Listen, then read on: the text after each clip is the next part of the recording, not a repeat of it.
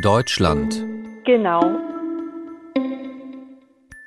Søndag var der delstatsvalg i delstaten Niedersachsen, og valgresultatet har skabt rystelser helt ind i den tyske regering i Berlin.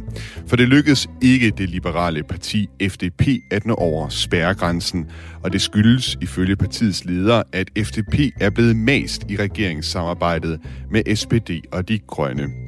Du lytter til Genau på Radio 4, hvor vi altså starter med at se på konsekvenserne af valget i Niedersachsen.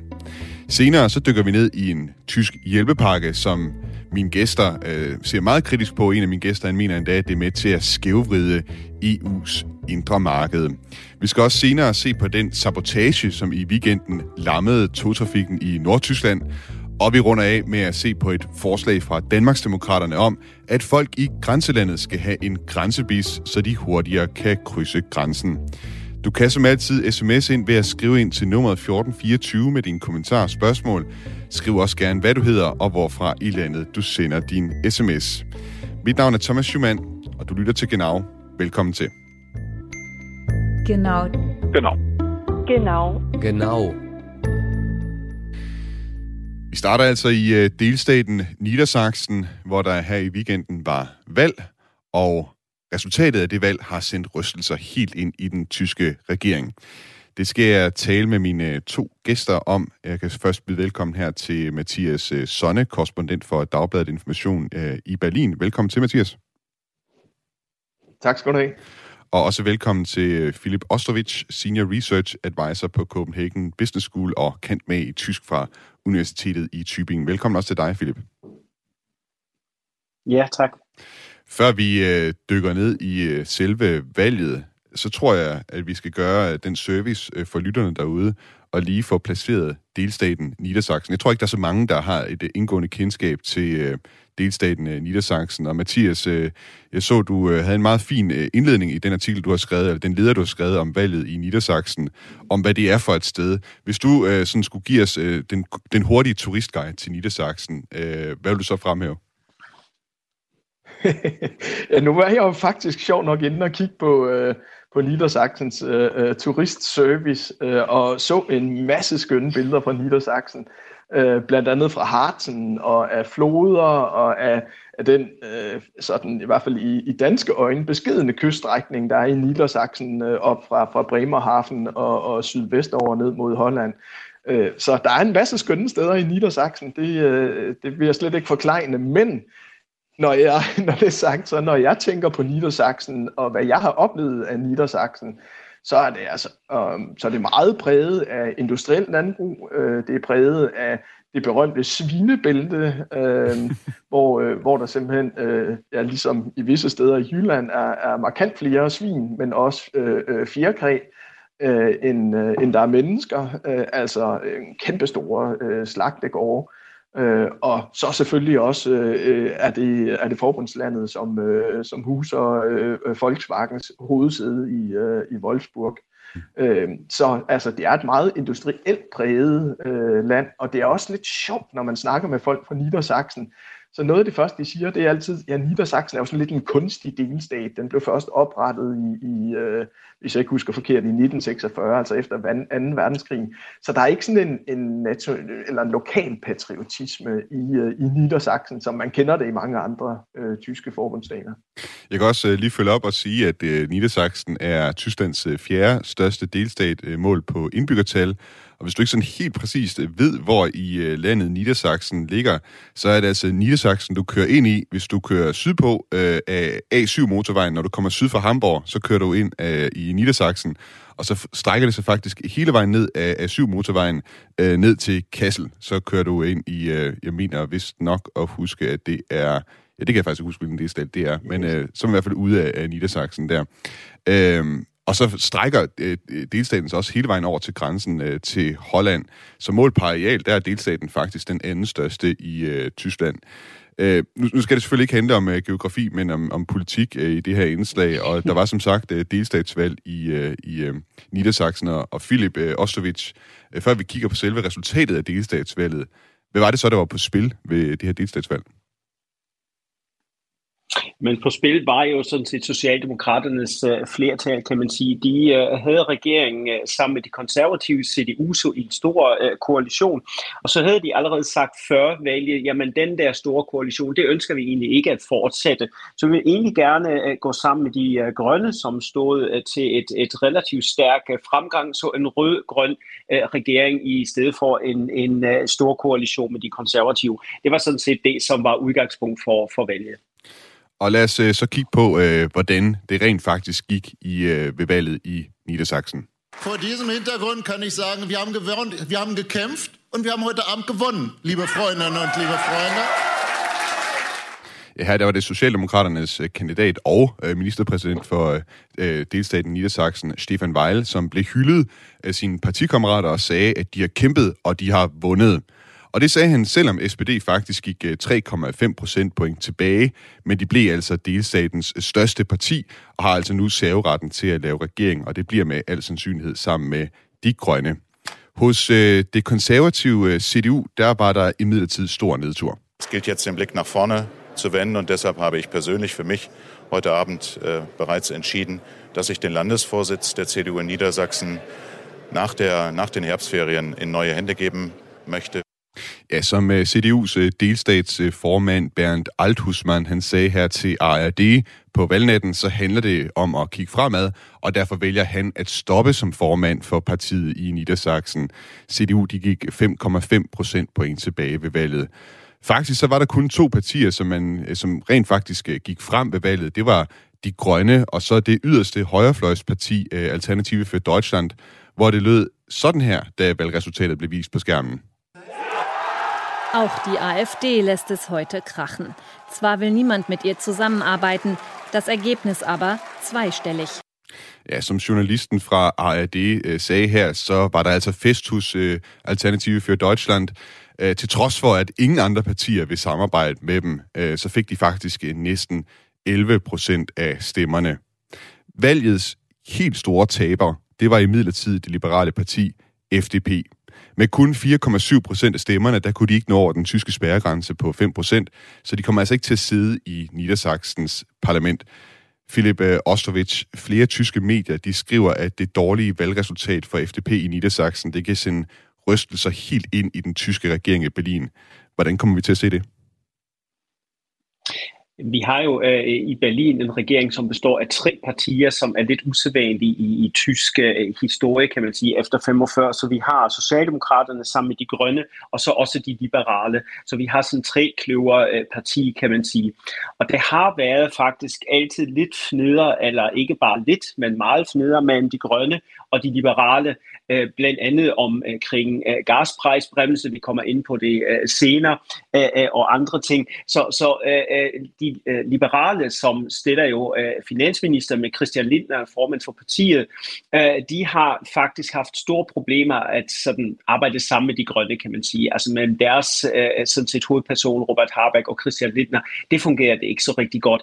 Så nu har, de, har vi haft en del statsvalg, og det er sådan set det, man siger i Tyskland, jamen det er en lidt en kvittering for, for, for øhm, de liberale og deres politik, og at den der koalition, som man har i Berlin, ikke fungerer så, så rigtig godt.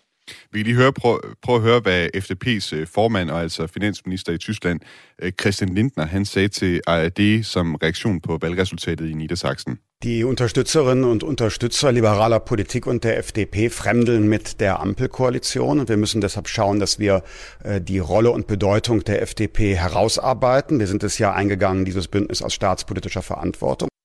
Ja, Christian Lindner, han siger altså her, at FDP's vælgere, de er svært ved at se sig selv i trafiklys-regeringen, øh, altså regeringen sammen med SPD, De Grønne og så øh, FDP, øh, og at man fremover skal arbejde med partiets rolle og betydning i regeringen. Og så tilføjer han også, at FDP jo kun gik med i regeringen for at bære det, han kalder det statspolitiske ansvar. I en leder i nyhedsmagasinet Spiegel, der skriver redaktør Martin Knoppe, at FDP kæmper for sin overlevelse, og at kansler Olaf Scholz skal overveje, hvor meget han vil støtte sin regeringspartner. Mathias øh, Sonne, den tyske regering øh, er jo allerede blevet kritiseret øh, meget for at skændes øh, internt øh, i, i høj grad. Det kunne se ud som om, at det kommer til at blive endnu værre med det her valgresultat. Ja, og det, øh, det forventer jeg faktisk også, det gør, og jeg, jeg er helt enig med, øh, med Philip i, at øh, de sidder med nogle grundlæggende uenigheder. Jeg vil nok faktisk skrue en lille smule op for den analyse, at øh, især de grønne, øh, til dels også SPD øh, på den ene side, og øh, øh så FDP på den anden side, har fuldstændig fundamentalt forskellige opfattelser øh, af, hvad, hvad statens rolle er, hvor stærk en rolle staten øh, øh skal spille, hvor stærk øh, eller hvor meget industripolitik der skal føres, øh, og øh, også hvordan øh, hele den her enorme øh, grønne omstilling, øh, meget fodslæbende grønne omstilling i Tyskland, øh, skal foregå, på hvilke præmisser, og igen hvilken rolle staten skal spille. Øh, så, så det er et helt fundamentalt, øh, en fundamental splittelse, der er i den, øh, i den tyske regering. Og derfor er det også virkelig våget, må man sige, af, af FDP at, at gå ind i, øh, i den her trekløver-regering. Øh, og det har vi faktisk vidst øh, fra starten. Øh, jeg, jeg var overrasket over, hvor hurtigt de fik forhandlet et regeringsgrundlag øh, sidste år, og jeg har været relativt overrasket over, hvor, hvor velfungerende det har været indtil videre. Men der er rigtig meget, der tyder på, at den krise, vi står i nu, øh, som jo øh, allerede fordrer meget, meget stærke statslige indgreb, som også på EU-plan fordrer nogle ting omkring fællesgæld og så videre. Det kan vi måske også snakke videre om. Men det, det kræver nogle ting, som bare er øh, stik imod, hvad FDP ellers har villet. Så de sidder virkelig i en, øh, i en grim kattepine, der i værste fald altså kan, deres, øh, kan de reagere sig selv i stykker øh, øh, øh og, og havne på samme sted, som de var i 2013, efter de havde siddet i fire år og fået ørerne i maskinen af Angela Merkel øh, og hendes midtersøgende kurs, øh, og, og simpelthen ryge ud af forbundsdagen. Det ser jeg ikke som helt umuligt for mig, og derfor forstår jeg godt, at Lindner går ud og, øh, ja, øh, og, og råber vagt ikke værd. Ja, han nævner det her med, at man gik kun med i regering øh, for at bære det statspolitiske ansvar. Hvad, hvad ligger der i den udtalelse, Mathias? Jamen, der, det er selvfølgelig en understregelse af, at han siger, at hovedformålet det er at tjene Tyskland. Øh, det er, at vi får en, en stabil regering, når vi nu sidder efter de her mange år med store koalitioner, ligesom der i øvrigt har været i Niedersachsen.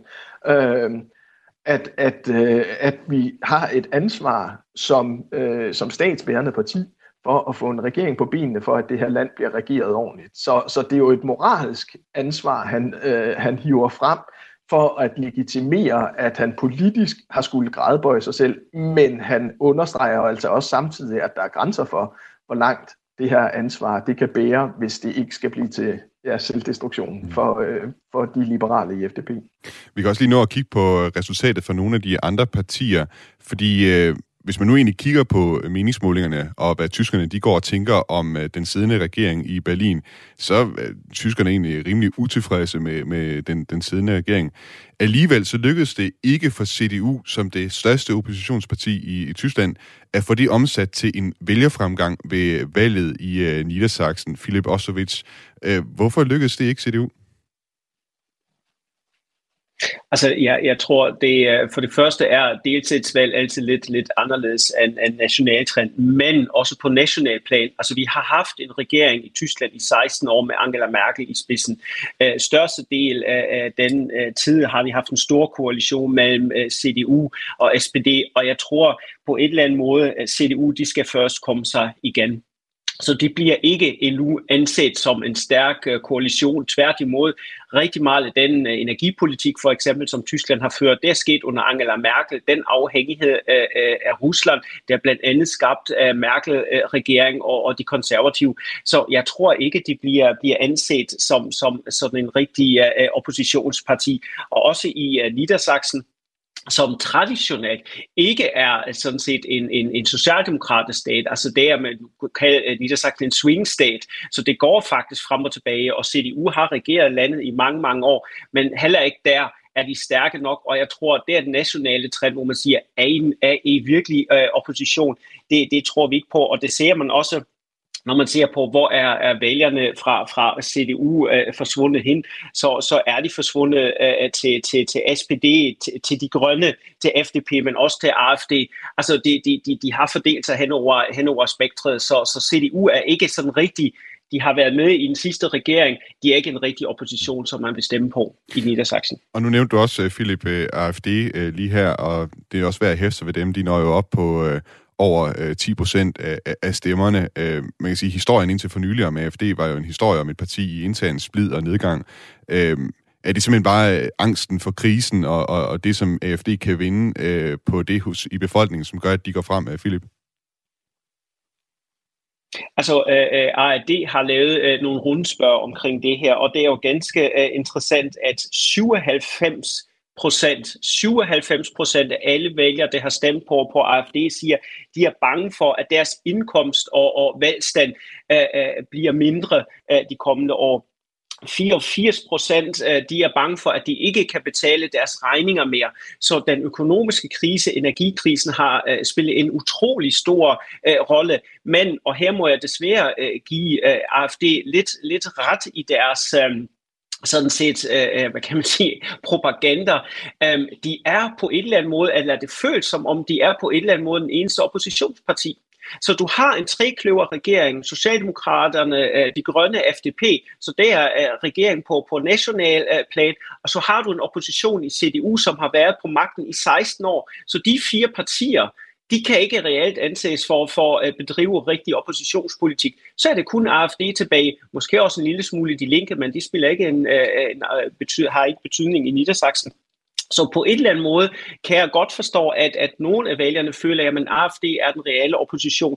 Og også hvis vi går tilbage til, mm. til, til FDP, de har tabt 40.000 øh, vælgere 40.000 vælgere til, til, til, til AFD, og det belyser også øh, uh, FDP's klemme. De vil ikke anses som venstreparti, selvom de er i en, en, en venstreorienteret regering, uh, samtidig med, de har ikke et rigtig uh, eget profil, så, så dem, der måske vil stemme for FDP, gør det ikke, fordi de sidder i en venstreorienteret regering, så vælger de måske AFD mm. uh, og ikke stemmer på, på et liberalt parti. Så, så det kan belyse også FDP's uh, klemme, men, men det er ganske usædvanligt, og det skal siges meget klart, at, at uh, det er to cifre uh, valgresultat i et vest-tysk, uh, det er en vesttysk uh, delstat, og med alt det indre finis, som du, som du sagde. Så, så det er en meget, meget klar tegn på, at den økonomiske krise øh, øh har været med til, til at give AFD den her, den her gode resultat.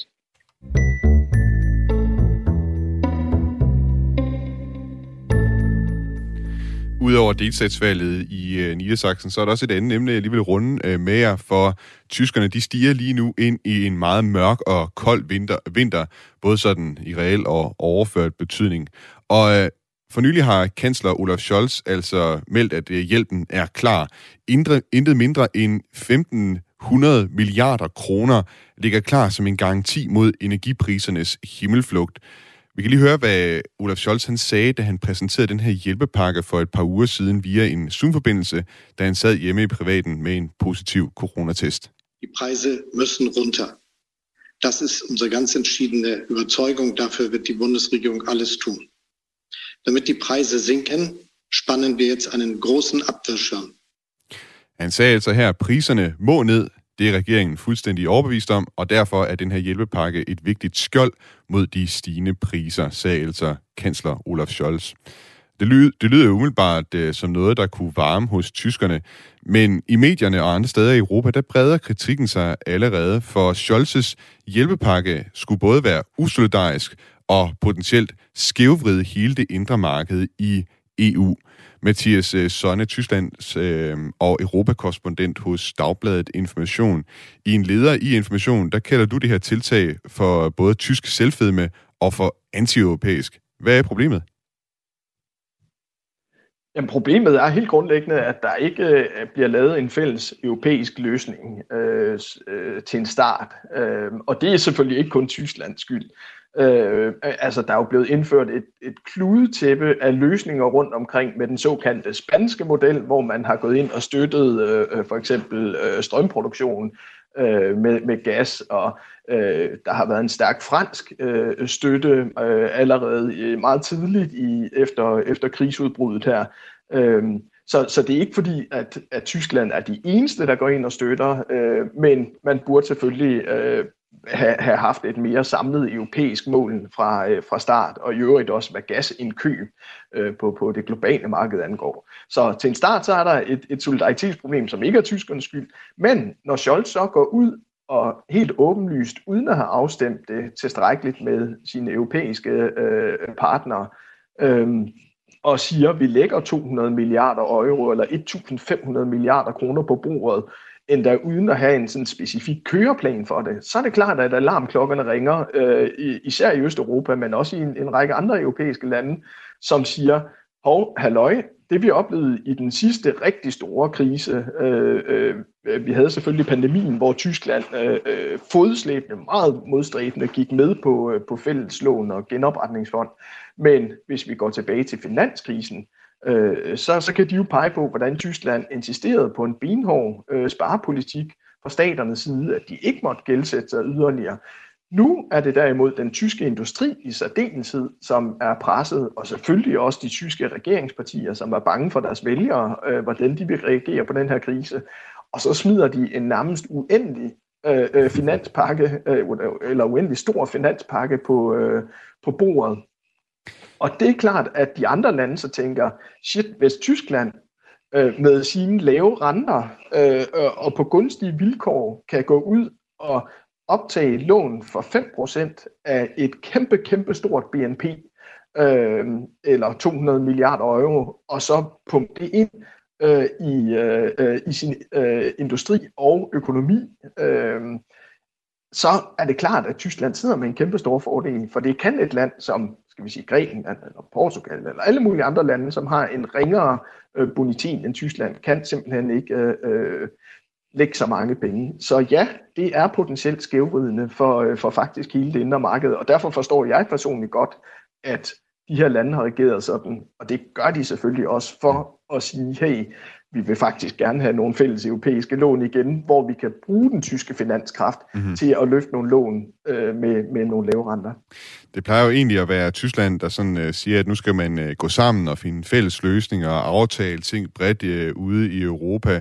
Øh, Filip Ostovic, øh, kan, ser du også det her øh, tiltag fra tysk side som øh, et udtryk for øh, tysk selvfedme?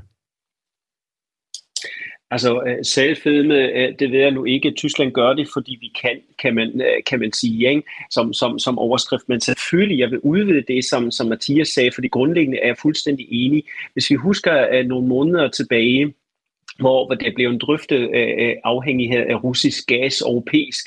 Der er der mange, mange medlemslande, der sagde ja til at spare på gas og fremlægge planer om, hvordan man sparer osv. Så det bliver der også fra tysk side øh, krævet øh, europæisk solidaritet Uh, nu er der også nogle andre lande, der er afhængige af russisk gas, men det er primært Tyskland. Så de andre europæiske lande, de har gået med til at være solidarisk med Tyskland at spare på gas.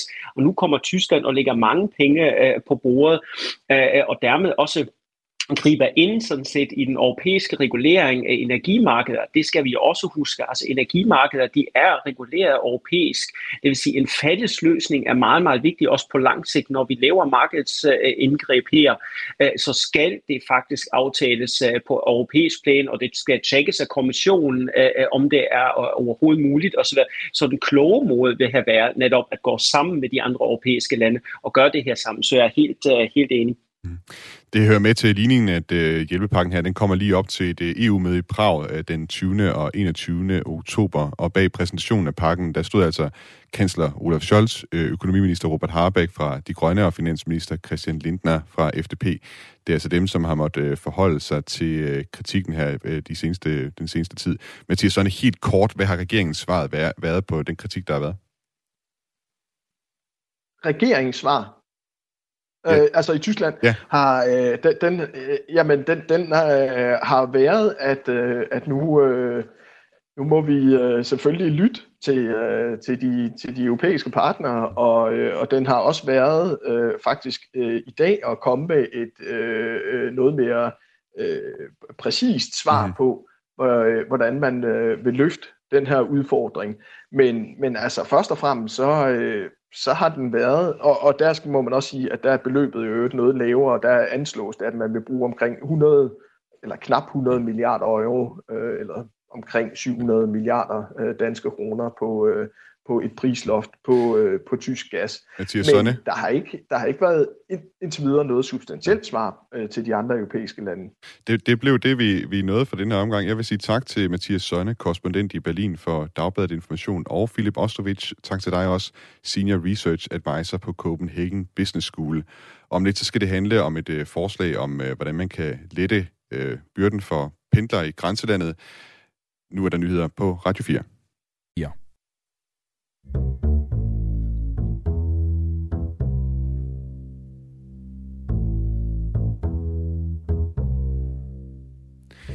Sabotage var grunden til, at togtrafikken lørdag stod stille i det nordlige Tyskland. Det siger Deutsche Bahn, og i tyske medier eksisterer mistanken, at det var Rusland, der stod bag sabotagen. Vi dykker ned i, hvor godt rustet Tyskland er imod den her slags sabotage lige om lidt. Og senere så skal vi se på et forslag fra Danmarksdemokraterne, som vil gøre det nemmere for folk i grænselandet at komme igennem grænsekontrollen. De skal nemlig have en grænsebis, men det får en kølig modtagelse fra tysk side. Det kan du høre mere om senere. Du lytter til Genau på Radio 4. Mit navn er Thomas Schumann. Lørdag blev jernbanetrafikken i det nordlige Tyskland lammet af en formodet sabotagehandling mod en række togkabler. Hvad der helt præcis er sket er uvist, men meldingerne fra Deutsche Bahn var allerede lørdag, at der var tale om målrettet ekstern påvirkning, eller med andre ord sabotage. Hændelsen den puster til ilden om mulige russiske angreb målrettet kritisk infrastruktur i Europa. Om det kan være tilfældet, og hvordan Tyskland egentlig står rent uh, sikkerhedspolitisk, det skal jeg nu tale med Jakob Korsbo om, som er sikkerhedspolitisk senioranalytiker hos Tænketanken Europa. Velkommen til, Jakob Korsbo. Jo, mange tak. Til start med, Jakob, uh, hvem kunne have stået bag det her formodet sabotageangreb på togkablerne i Tyskland? Ja, altså, man kan jo sige, at vi har ikke nogen øh, beviser, men øh, det kunne jo, som du antydede i indledningen, godt være Rusland. Øh, det kan også være andre politiske aktører, selvfølgelig, som har interesse i at og, og, og ligesom lave et, øh, en, en sabotagehandling. Men øh, man kan sige, i tråd med de andre ting, der foregår, øh, blandt andet med Nord Stream gasfeltet og, og den, de her droneoverflyvninger ude i, ude i Nordsøen, så er der jo et vist mønster. Så du mener ikke, at det er fuldstændig ude i hampen at, at se uh, Rusland som en af de, uh, der kunne være uh, de mistænkte bag det her? Nej, det mener jeg ikke. Altså, det er bestemt uh, muligt, at det er det. Hvor, hvad er det for en interesse, Rusland kunne have i at, at lave sådan en sabotageangreb på øh, togtrafikken? Jo, altså man kan jo sige lidt på samme måde som uh, Nord Stream-sabotagen, øh, øh så er det jo selvfølgelig et, øh, et forsøg på at påvirke øh, befolkningerne i demokratierne og, og dermed også deres øh, regeringer til at, at anlægge en anden kurs, øh, så usikkerhed i, i vores samfund og, og derved gøre, at for eksempel, at vi ikke støtter øh, Ukraine så, så meget, som, øh, som vi har gjort.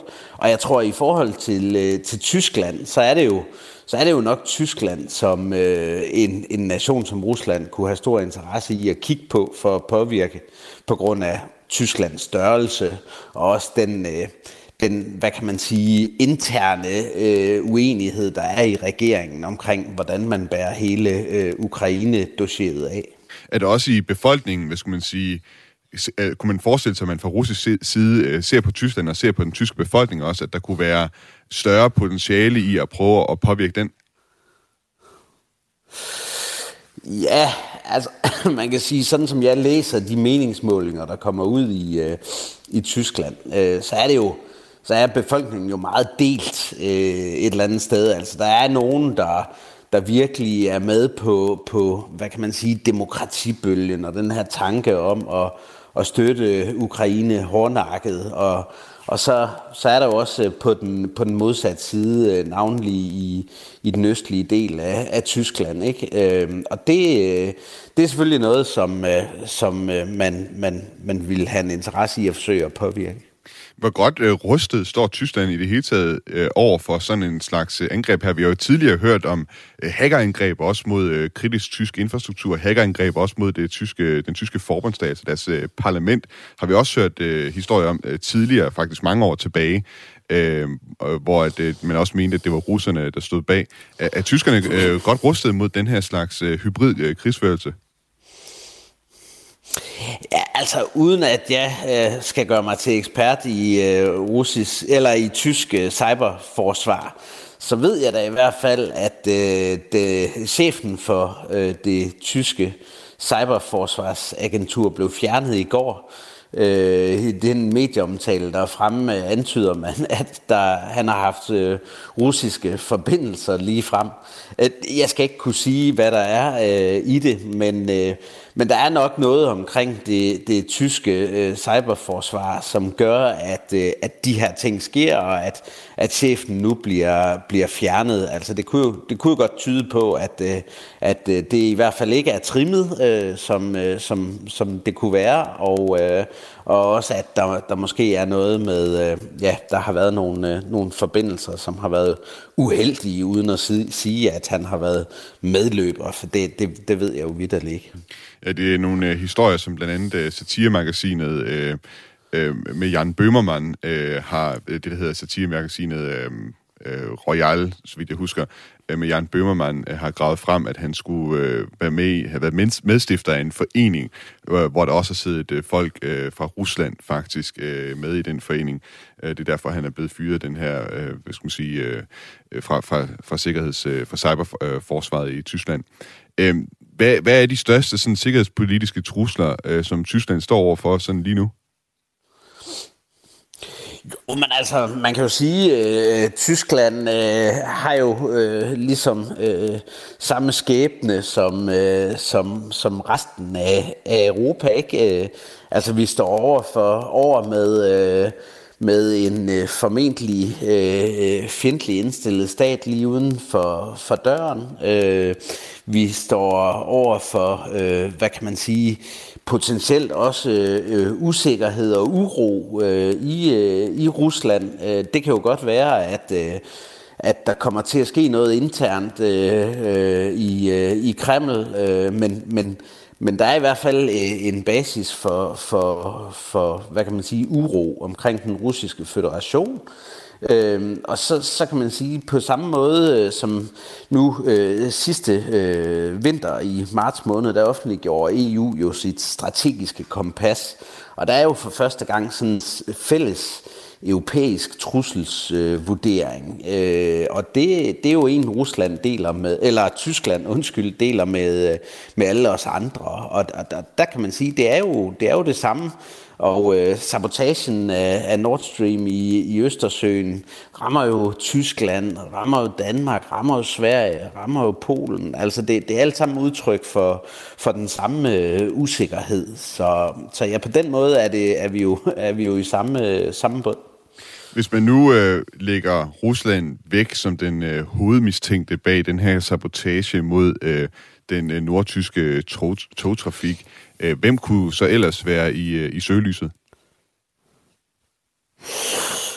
Uha, jeg, jeg har ikke lige set, hvad der har været fremme i, øh, i Tyskland, altså, men, men man kan jo sige, der er jo i hvert fald øh, øh, nogle, øh, nogle grupperinger øh, på, på højrefløjen. Øh, jeg så i, øh, i går havde der været en, en pro-ukrainsk demonstration, og, og, og der var så en moddemonstration øh, for, for højrefløjen, øh, hvor, hvor, hvor dem, der demonstrerer øh, til... Øh, til Ukraines fordel øh, øh ligesom bliver kaldt nazister, altså samme retorik, som, øh, som også Putin øh, øh, bruger.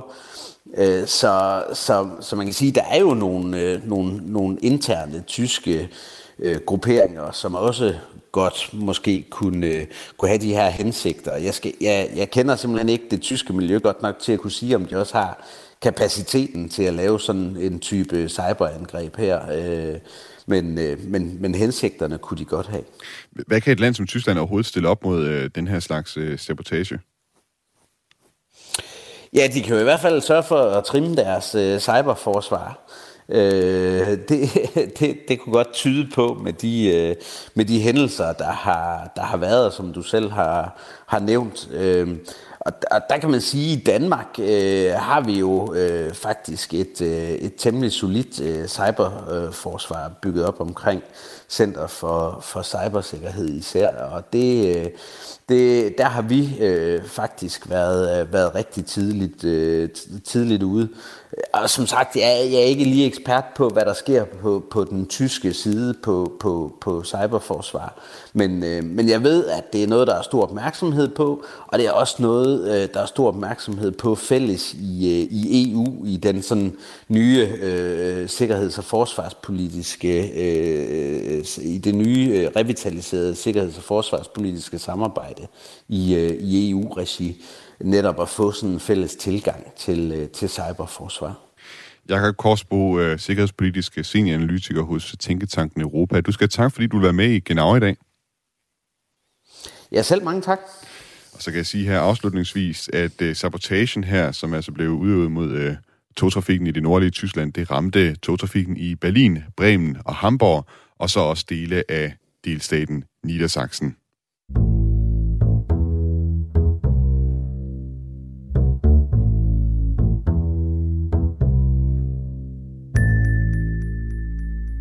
Grænsekontrollen ved den dansk-tyske grænse er til irritation for mange bilister, der nogle gange venter i kilometerlange køer på at kunne krydse grænsen ind til Danmark. Det er især irriterende for dem, som bor i grænselandet og som har et arbejde på den anden side af grænsen. Det vil partiet Danmarksdemokraterne nu gøre noget ved.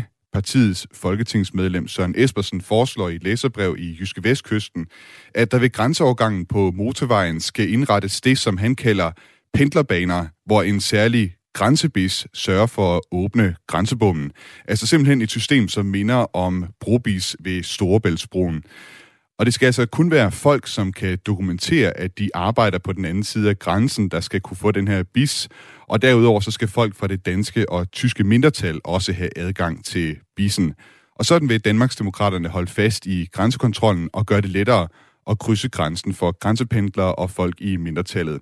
Og jeg har nu forbindelse til Søren Espersen, der er medlem af Folketinget for Danmarksdemokraterne. Velkommen til dig, Søren. Tak skal du have.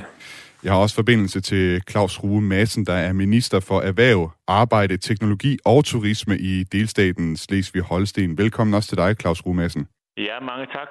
Jeg har inviteret dig med, Claus Rue Madsen, fordi det sidst vi talte sammen, der var vi også inde på hele spørgsmålet om grænsekontrol. Jeg kunne godt tænke mig, øh, også fordi du er minister for det for trafik og, og erhverv øh, og turisme i Slesvig-Holsten, og, og have dit... Og øh, arbejde. Øh, og arbejde, ja. Og have dit øh, perspektiv med på det her. Men lad os lige starte med, med Søren Espersen, øh, som jo stiller det her forslag i et øh, læserbrev i Jyske Vestkysten. Søren Espersen, øh, man kan sige, at grænsekontrollen har der været i, i mange år. Øh, hvorfor kommer du med det, og Danmarksdemokraterne med det her øh, forslag netop nu? Er det simpelthen øh, valgflæsk, I ude i? Mm, det, det kan, ved jeg ikke. Det synes jeg næsten, alting er lige i øjeblikket, uanset hvad man siger. Men det er altså ikke forsøg på flæsk. Det er simpelthen et forsøg på at, at gøre livet lidt lettere for de der øh, 8-10.000 øh, pendler, der er øh, enten fra Tyskland ind i Danmark eller den anden vej og gøre det nemmere for dem, det, det synes jeg, man, man bør gøre. Øh, der er ingen rimelighed i, at de skal sidde i, i kø som almindelige turister, eller hvad der nu ellers kører over grænsen. Hvad gav dig anledning til at, at stille det her forslag? Jamen altså, det var en idé, der, der, der, der pludselig slog mig, at det var da egentlig måden at gøre det på. Altså, man kender det jo fint, som du også nævner fra, fra Stor Storebæltsbroen, hvor man kan køre over i sådan nogle ekspresbaner, hvor det lige bipper op, så er det enten på, på bis, øh, brobis, eller det kan være på nummerpladescanning. Det er jo alt sammen meget let. Øh, der det bruger den jo selvfølgelig ofte, for jeg er så heldig at have sådan en bis, når jeg kører over til, til min valgkreds derovre i, i, i Sønderjylland. Men, øh, men, men det er væsentligt, øh, og det går stærkt, øh, og derfor synes jeg, man skal prøve det. Øh, jeg vil lige tilføje, det, nu ligger grænsen jo altså en gang der, hvor grænsen ligger, men grænsen øh, er jo også Holbæks grænse, eller Viborgs grænse, eller Aalborgs grænse. Så det er jo, det gør, selvfølgelig skal vi gøre livet lettere for, for pendlerne, men grænsen ligger altså, hvor den ligger. Claus Rumassen, da vi øh, sidst øh, talte sammen, der kom vi også ind på hele spørgsmålet om, øh, om grænsekontrollen, som jeg ved også er, er noget, der optager dig. Øh, her der vil Søren Espersen og Danmarksdemokraterne i virkeligheden øh, lette øh, hverdagen for grænsependlere og også folk i det danske og tyske mindretal. Øh, lyder det ikke øh, i dine ører som en god idé?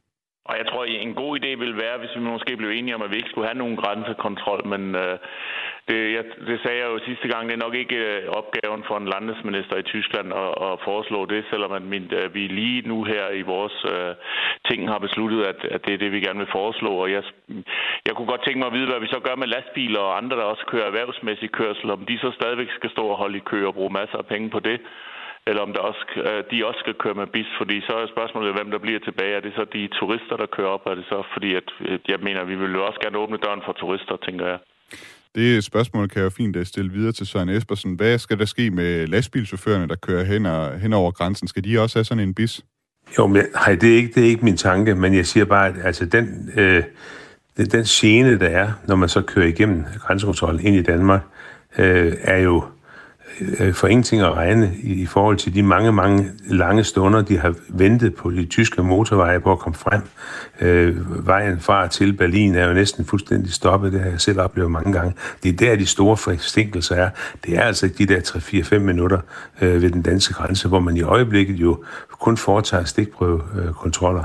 Og så lige om det, Claus siger i forhold til og helt afskaffe grænsekontrol. Det er der altså ikke flertal for i Folketinget, uanset hvordan det går. Den har været der nu i, i syv år, den såkaldte midlertidige grænse, og jeg tror ikke, den bliver ændret, og det vil vi i hvert fald arbejde hårdt for, at den ikke gør. Så for ganske vist er det jo besværligt for dem, der skal over, der har, der har godt i scene, men der er altså også mange, der har ondt i scene, og det er dem, man forsøger at stanse ved grænsen. Claus Ruh Madsen, man kan jo sige, som Søren Espersen også er inde på her, at der er jo et politisk flertal i Danmark for at bevare grænsekontrollen. Der er jo ikke blevet pillet så meget ved den over de sidste mange år. Du er også selv inde på det. Øh, er det så netop ikke øh, sådan nogle tiltag, som, som det Søren Espersen han foreslår her, man skal gøre for at gøre øh, livet lidt nemmere for det, dem, der bor i grænselandet? Og men jeg tror, det kunne godt være lidt svært at forklare folk, hvordan man vil kalde 20 år for midlertidigt. Selvfølgelig kan man blive ved med at kalde det midlertidigt og blive ved med at have det.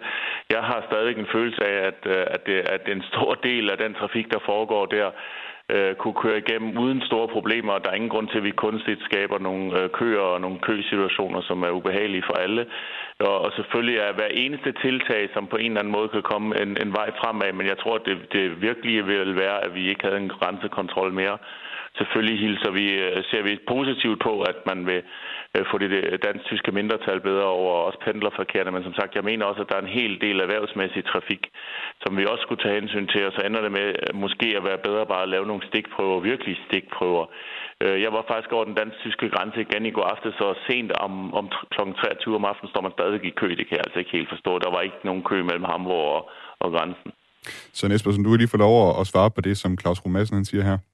Nej, men altså med hensyn til bevarelse af, af, af grænsekontrollen, øh, jeg tror også, den, altså jeg tror, den bliver øh, forlænget igen og igen, og den ender vel også med, at vi på en eller anden måde øh, melder os ud af, af Schengen. Jeg vil bare sige, at øh, da man så indførte den, den grænsekontrollen igen, efter man har haft den øh, lukket nogle gange.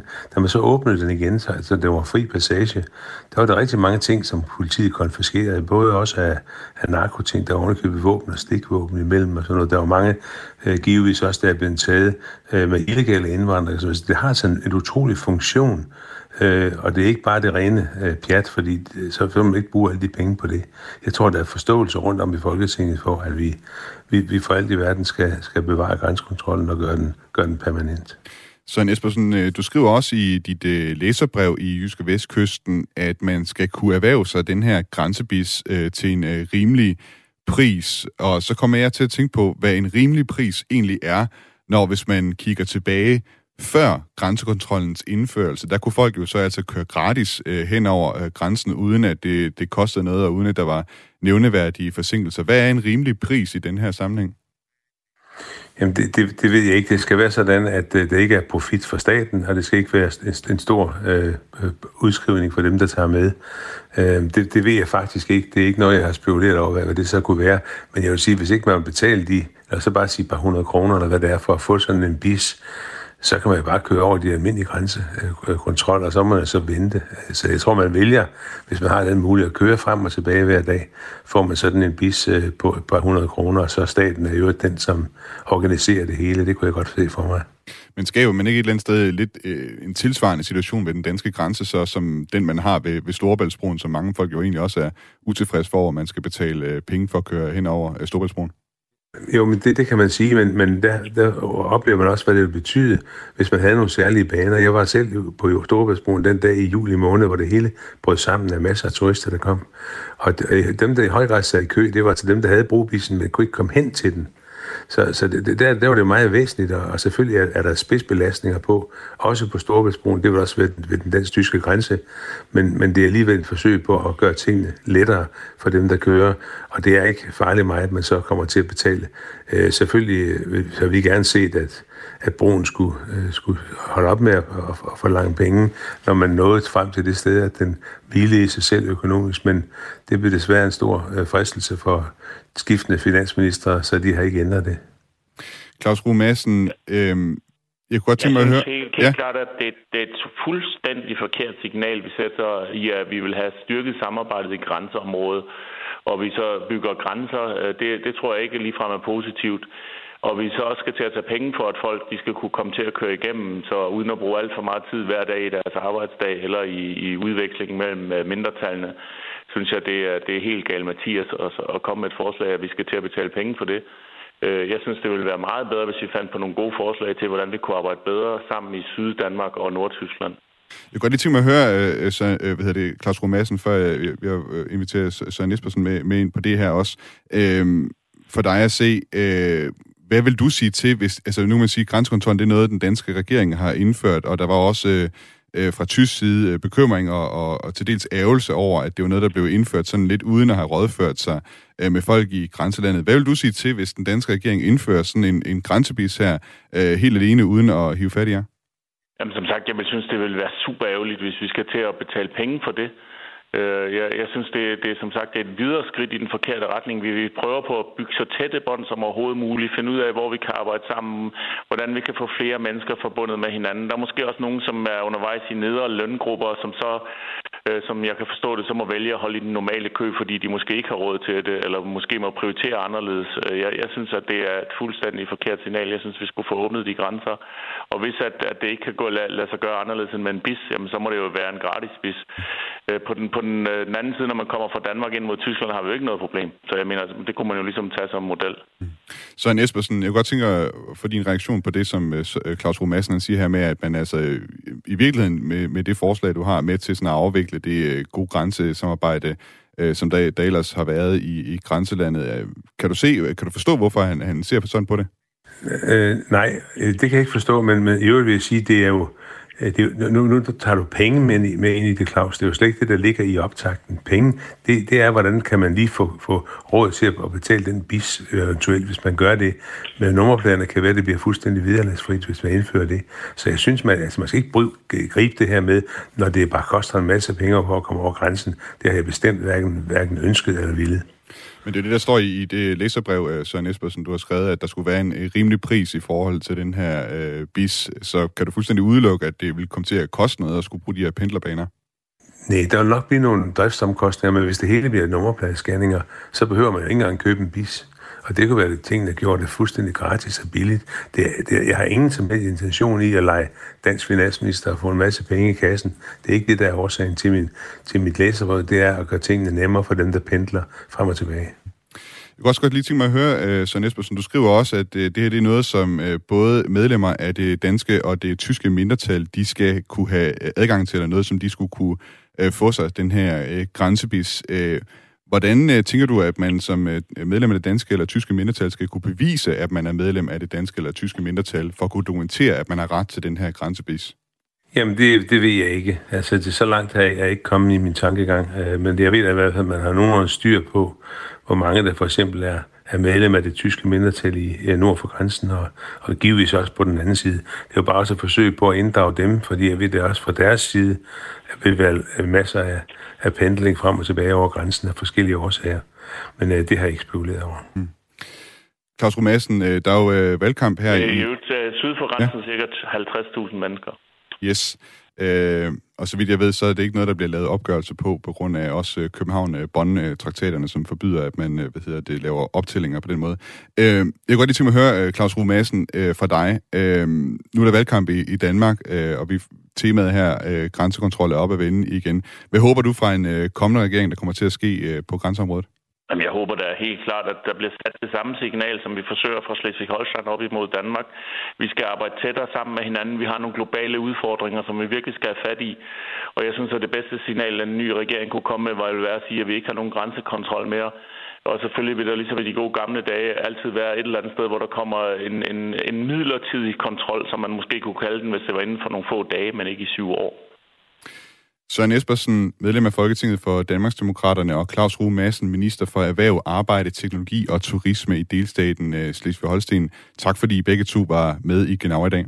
Jo. Velkommen.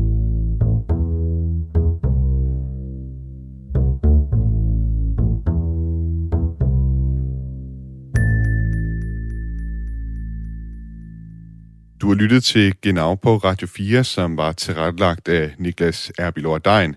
Redaktør på programmet er Dorte Lind. Mit navn er Thomas Schumann. Hvis du kan lide Genau, så vil jeg anbefale dig at gå ind på din øh, App Store og finde Radio 4's app, og downloade appen, og så tryk på følg ud for Genau.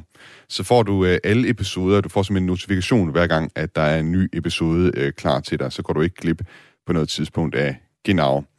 Og øh, hvis du nu kender nogen derude, som godt kunne tænke sig at høre mere om øh, Tyskland i det hele taget, så vil jeg da også blive glad, hvis du anbefaler programmet til en ven, så at vi kan få spredt kendskabet til Tyskland noget mere. Hvis du sidder derude med ris, ros, kommentar eller forslag til udsendelser, vi skal lave, så vil jeg også opfordre dig til at skrive ind på genau radio4.dk. Det modtages med kysseren. Tak fordi du lyttede med i dag. Auf Wiederhören.